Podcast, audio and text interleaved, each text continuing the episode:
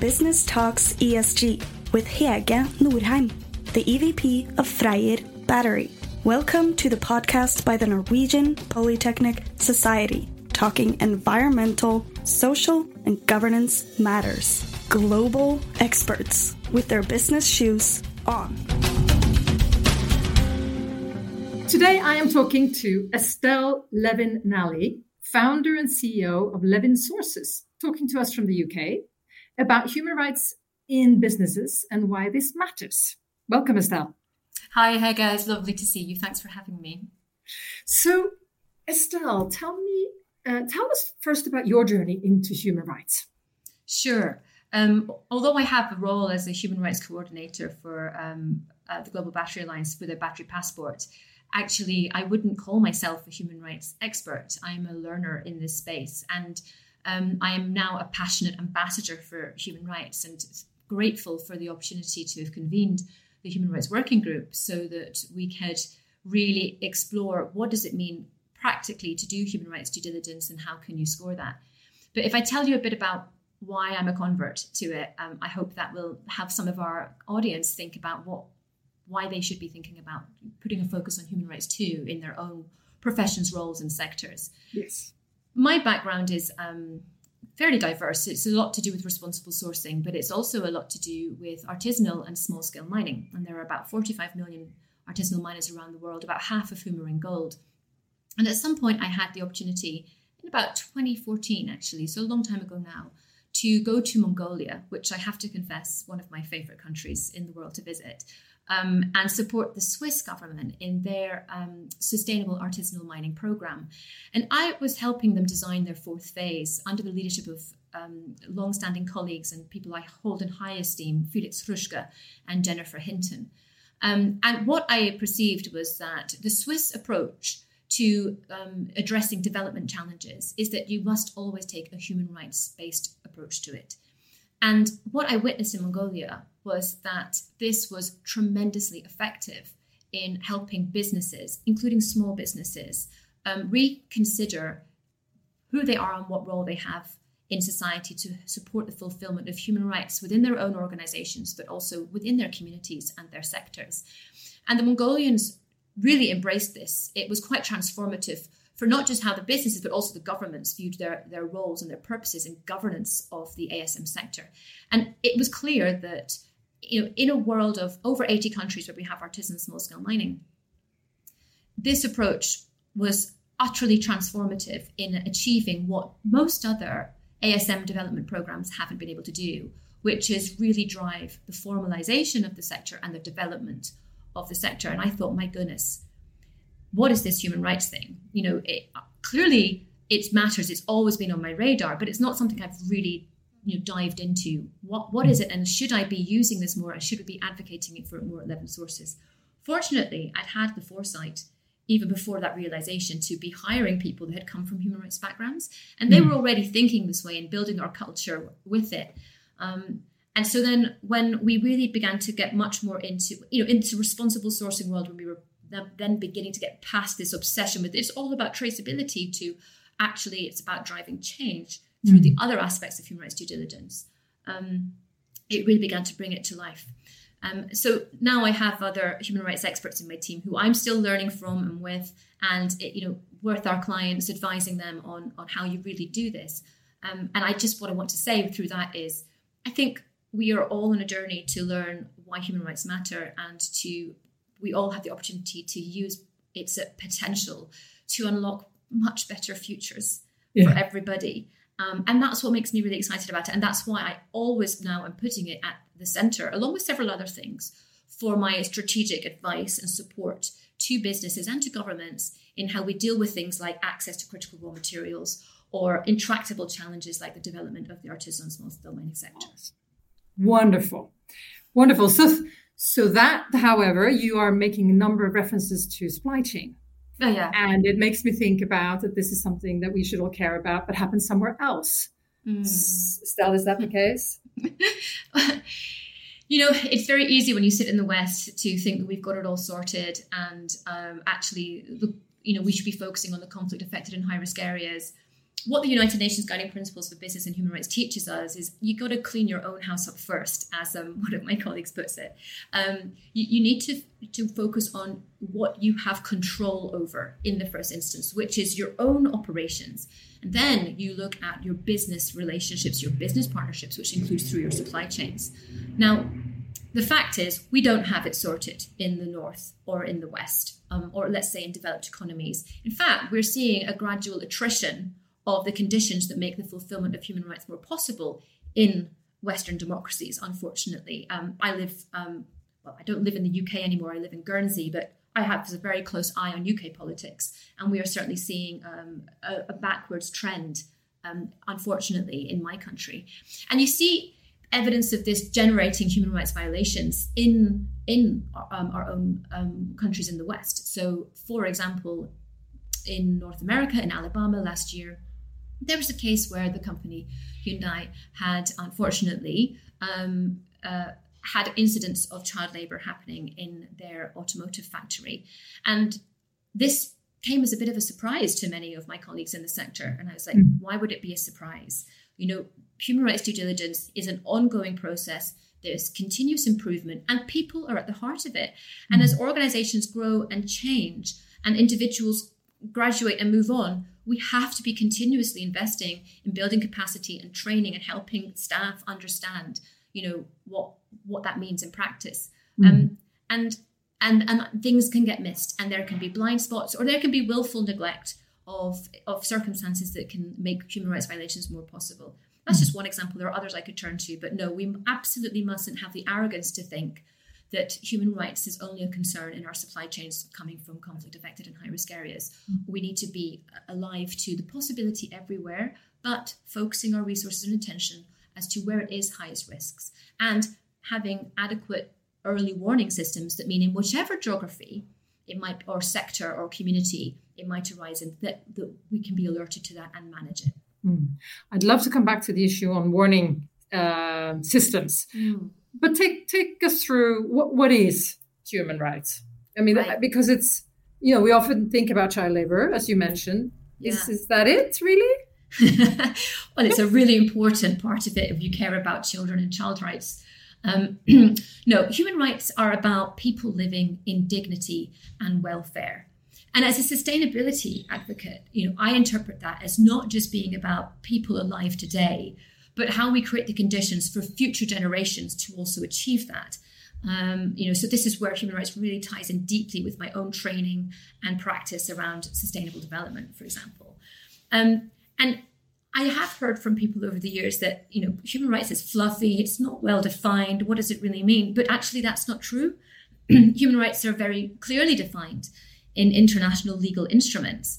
Um, there are UN treaties um, where states sign around what human rights are and then they anchor those human rights into their national laws and then eventually obviously then through policies regulations institutional practices and so on. Um, and you know we know that many of these treaties as you as you must be aware um, grew out of the desire after the second world war to prevent the types of atrocities and crimes against humanity that happened then. So human rights treaties are really a safety net. They're supposed to protect us from these types of terrible things happening again in the future. And of course, in an increasingly unstable world, um, in that sense, they become even more important. When it comes to businesses' role in, you know, uh, respecting human rights, and the language we use is businesses have the responsibility to respect. Um, the scope of this responsibility, in terms of which human rights are in scope for businesses to take action on, is very clearly defined in a term called internationally recognized human rights. And this is set out clearly in an authoritative standard on business responsibility, the 2011 UN Guiding Principles for Business and Human Rights. So that is a, a foundational text. Now, what does that mean? What, what are some examples? Well, broadly, you can talk about number one, labor rights, so fundamental rights at work, the right to um, decent work, for example, the right to collective bargaining and freedom of association, health and safety, and so on. Secondly, the rights of children, and we all care about this very much. And you know, in in the battery world, where I know you're from, we have had a very important focus on this issue um, for very many years. But I really regret that that has obscured the fact that there are many other human rights that, that really matter. Mm. The third is the right for adults generally to be able to practice livelihoods that help them meet their basic needs. And the fourth is the rights of communities to have access to enough water, to have a clean, healthy, and safe environment um, to live in, so that they can meet their basic hygiene and health needs. So there are these are the fundamental, you know, internationally recognized mm. human rights. Um, and there's lots of tools out there that do help businesses bring this to life inside their operations and inside their supply chains. And very importantly, there's some really good communications tools because for me, I think perhaps the biggest barrier on this coming to life is that people don't really understand it. They don't know what it means for them. They don't know how to communicate on it. And mm we need to really work harder to equip businesses to bring build that understanding and to be able to have go, oh, this is why it matters to us. This is how it will help us in our mm. business. mm build a business case, but then also say, right, how do we articulate that into actual practice within the organization? I think I think actually that's a very good point. And and do you see that businesses are either coming together to learn from each other and, and sort of together bring in expertise or and or actually you know have to start out by bringing in external experts to take them through the first couple of workshops just to get a sense would, would that be your advice? Well actually that's exactly how it's happening. Certainly at the businesses that we work with um, it's either in multi-stakeholder fora like the global battery alliance where we're learning together what could this mean to score human rights performance um, and you know what is reasonable to be included in that scoring and what's not and and these businesses and governments and ngos have come together to, to do that joint learning um, but yes, we definitely find that companies approach us at Levin Sources, for example, to build that internal understanding to say, look, what is human rights? We, we can see this coming down the pipeline. We can see that it's in a variety of EU regulations, for mm. example, that we're going to be impacted by. What does this really mean for us? And in the minerals world, this is fascinating because the minerals minerals world approach to supply chain due diligence has been um, conditioned to the OECD minerals guidance, which is a very pared down approach to mm what good human rights due diligence looks like. And it is not adequate to fully support um, achievement of human rights due diligence as conceived by the UN guiding principles. And so, as we've gone in to help companies go, look, we, we were a leader on minerals supply chain due diligence. We are obviously, therefore, still a leader on supply chain due diligence generally with this whole human rights thing that's come down. And we look at what they're doing and going, mm, you got nothing on remedy your reporting is shocking. Um, your mitigation is fairly limited. You're not taking early warning systems seriously, and you're entirely relying on business partner screening and basically traceability and K- KYC to do your due diligence. No, and, then audits. No, no, that's not enough. So, so yeah, so companies mustn't be complacent that the old systems they relied upon are fit for purpose now. They do need to learn about human rights due diligence and what that really means in practice mm. for them. Hmm. Take me through this notion of grievance mechanisms and warning signals and how do you how do you keep you know watching your space and yeah. conversing with stakeholders identifying stakeholders how do you do that yeah it's really tough i think for certain businesses that are particularly ones further downstream who have just so many supply chains and thus suppliers in their supply chains and provenances um, it's difficult for them to know everything and be on top of everything. And this is where you you need to prioritize. I think the first is that having an operational grievance mechanism is a way of gathering input from stakeholders. Some companies think about it as a complaints mechanism and they, they treat it that way. And so they go, well, this is how we're going to handle a complaint. And sometimes they take a fairly comms defensive approach to how they do it. But that actually isn't really what an operational grievance mechanism is for under you know human rights guidance yes that's very important but actually an operational grievance mechanism offers a company an opportunity to really understand firstly how its stakeholders are perceiving it um, and secondly you know what are the issues that they may not be aware of through their other due diligence practices that get flagged to them because somebody dares or cares to say hang on a minute i want you to be aware of x y or z there's very good guidance in the UNGP's reporting framework on what constitutes an effective operational grievance mechanism. Um, but in terms of early warning system, the operational grievance mechanism is really only one opportunity to do that. And in fact, along many of the other steps, there are ways of companies getting early warning. I think the big thing that we are really pushing to the world of, of businesses that we engage with and work with is that if you just rely on audits and if you just rely on KYC, it's very transactional and it's very limited. Definitely, audits are a great way to pick up issues because a, good auditor will help you spot where there may be issues that you weren't aware of, and then you can go away and correct those. That's that's one form of warning system. I wouldn't call it an early warning system because by the time you're at it's companies just want to pass. they want the early warnings to be able to pass. Um, but actually, the big piece is about supplier engagement and building trust, trusted relationships with your most material suppliers. That can be either material because you are most exposed to them, and if you have to stop trading with them, it's going to affect your business, your ability to do business, or material because they are um, a fairly risky supplier, or behind them is a riskier supply chain, and there's a higher risk of incidents um, and therefore adverse human rights or environmental impacts arising. Mm. So, if you prioritize supplier engagement as part of your mitigation in human rights due diligence, you should get early warning because your supplier trusts you enough to know you're not going to need your kickback and go, oh, that's it, we're done, we're not doing business with you anymore. Mm. If something happens, they can pick up the phone and they go, this has happened, this is what we're doing. Help. How can you help? yes. Help.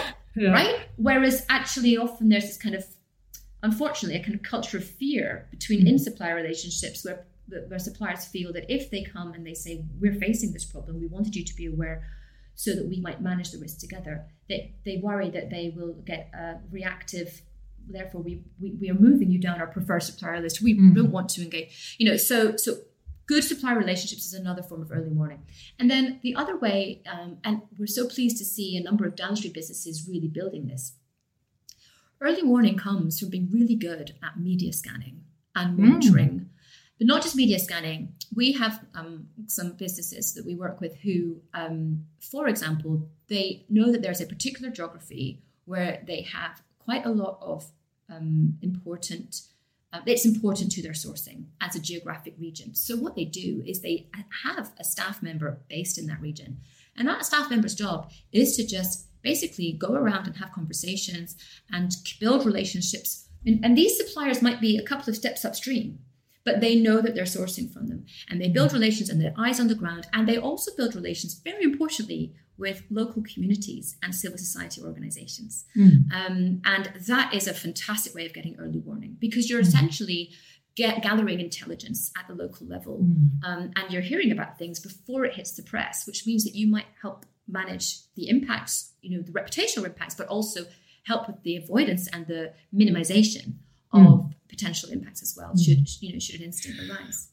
And that makes me wonder if we turn it around and, and you know do you have do you have conversations with upstream uh, companies you know in the mining sector for example where you know who has a number of clients or customers yeah. and now that we're all getting these uh, regulations and requirements and we're all engaged and we want to help and here we go and there's like 16 audits a year and we're reporting requirements on 15 different softwares platforms yeah, how shall they deal with that yeah, that's such a good question, Hege, because quite frankly, they're going nuts with the reporting burden um, and the audit burden that they're being faced with. And the problem we see at Levin Sources is it distracts them from doing the real job of risk management because they're having to dedicate so much resources to just reassuring their business partners that they have everything under control. Mm-hmm. Or in some cases, hiding the fact that they don't quite have this under control and they can never get to it because they're too busy talking to everybody about what they're doing. you know, so, so we have had um, companies. I mean, being serious about it. You know, we have had companies, you know, raise this as probably their biggest challenge in responsible sourcing and providing their downstream partners what what they need to know. And I think the burden on the individuals in those roles is very, very high. Mm-hmm. I can see them running around like headless cocks, you know, just going, how do I just cope with this workload and this ever growing workload? Mm-hmm. What's frustrating is that downstream businesses aren't aligning the reporting requests they get. Or, for example, we have one case where we're doing due diligence on a particular mine for one downstream company. And we know another one of our clients has already done due diligence on the same company. And they have a whole bunch of questions already answered that would be relevant for this other company. Mm. But because of the confidentiality agreements, mm. and, be, uh, and actually these companies, are they competitors? competitors? Maybe, not really. But because of the confidentiality requirements, we, you know, even if we try to build that conversation, will you allow this information exchange? It's just going to take so long to get it past the lawyers and to get it past internal that, you know. So I think there are very real commercial barriers to rationalizing this. Um, and I think there is a role for industry associations to help standardize some of these reporting expectations.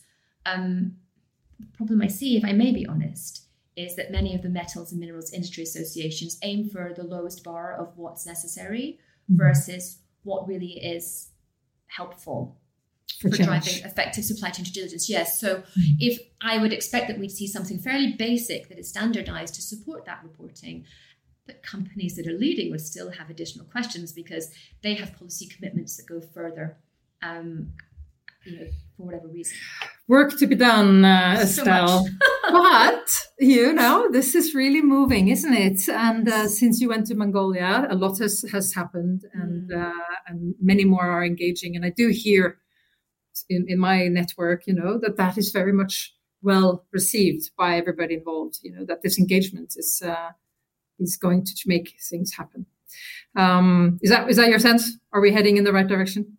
I think we, yes, I think there are many companies and individuals um, that are embracing this. I think the companies that are kind of new to it are in a better position because they're not locked into old systems. They're not locked into the audit first mentality. Um, let's say the audit hegemon, as like it's all about passing the audit, and they get the audits are there as a means to track effectiveness to drive continuous improvement. Mm-hmm. Um, but we unfortunately uh, there are still a number of very important players that are stuck in that old paradigm, and um, I'm not sure how quickly and easily they will they will adapt what they're doing uh, to really drive meaningful and impactful human rights due diligence. So there's a let's say there's a bit of a lack of maturity that um, in some quarters and in some quarters that matter that certainly we and many others I know are hoping to try and evolve. Mm-hmm. Um, but I do remain hopeful, and I I am so pleased to see that um, various governments, um, you know, particularly get, with the leadership of the United, sorry, the European Union, um, are making human rights due diligence mandatory. I think this is a very positive thing for markets, but it does bring um, some potential negative impacts that I think we need to be alive to if we're going to really live up to responsible sourcing as our goal. Um, and what I mean there, for example, is how do you keep small producers at any phase of the supply chain included in responsible supply chains where they are operating in a high risk context and they have capacity constraints to really understand, know, and do um, human rights due diligence, number one. Number two, um, and this is based on experience helping a company that was looking at if and how they might source from Zimbabwe, for example. How do you help countries like Zimbabwe for certain minerals where they don't have a, you know, they're competing, but in some minerals they're increasingly an important player. But how do you help these con- countries that are fairly autocratic? Um, they have a degree of involvement of non Western powers that are pushing certain agendas that might work against the interests of the nation um, you know, one might say, um, and, and where civic space is very weak and civil human rights and environmental defenders are very vulnerable. Um, you know, how do you, in that context, source responsibly? Because it's very difficult to gather truth, and there will be many blind spots, many risks that you can't pick up on, and you could therefore find yourself connected to human rights violations because you're sourcing from this. And what, what is happening um, with my customers that are encountering these types of countries is they go, we're maybe a big brand, but we're actually still a small player, and we just need to simplify our supply chains so that we can really focus our resources in a few geographies and really do this human rights diligence properly. So they decide not to engage in mm. those kinds of countries. They pull out. They pull out. And then what that means is, you know, the mining organizations in those countries have to orient their production towards UAE or China or elsewhere, which aren't doing the same level of, of human rights due diligence. So you're seeing this bifurcation between safe countries to source from because we have supply chain human rights compliance obligations that are mandatory, mm-hmm. and then the higher risk ones that we have to really have a strong business case to source from. Now, for some mineral host nations, that's totally fine because if they are um, a key source for vanadium or graphite or lithium, for example, or cobalt, all materials that are so essential to the just energy transition and that we know we are going to have huge supply constraints for, then they, you know, you're going to have to go to them and you're going to have to find a way to source responsibly, even if you can't satisfy yourself that you can really cover off all the risks. But for other countries that may not have world class reserves or may you know be working in other minerals where there's just a lot more production globally and they don't have that strength mm-hmm. of negotiating power there is a degree of abandonment risk. That really worries me, and that's where I think there's a big role for um, de- development finance institution and donors to continue to work on democratization, women's economic empowerment, civic civil society strengthening, anti-corruption, um, and really helping counter um, those conditions and and the, the let's say the deepening of those conditions that make the business case for sourcing from those places increasingly lower because of what's happening in people's own markets with regulations. I hope that makes sense. That made total sense, and uh, you know, just highlights how how many opportunities there are in this in the energy transition and the increased focus on on these resources and minerals and on human rights, but that the job is not done, and we we have to keep keep being engaged and and working together. So Estelle, thank you so much. Uh, thank you for spending time with us and sharing with your experience and your passion. Um, so this is Hege Norheim who has just spoken to Estelle Levin Nally, founder and CEO at Levin Sources. Have a continuously great day, all of you out there. Takk for at du lyttet til Polipod fra Politeknisk forening. Få med deg flere episoder, eller bli med på nettverksmøtene, som du finner ved å søke at polyteknisk, eller gå på vår hjemmeside polyteknisk.no.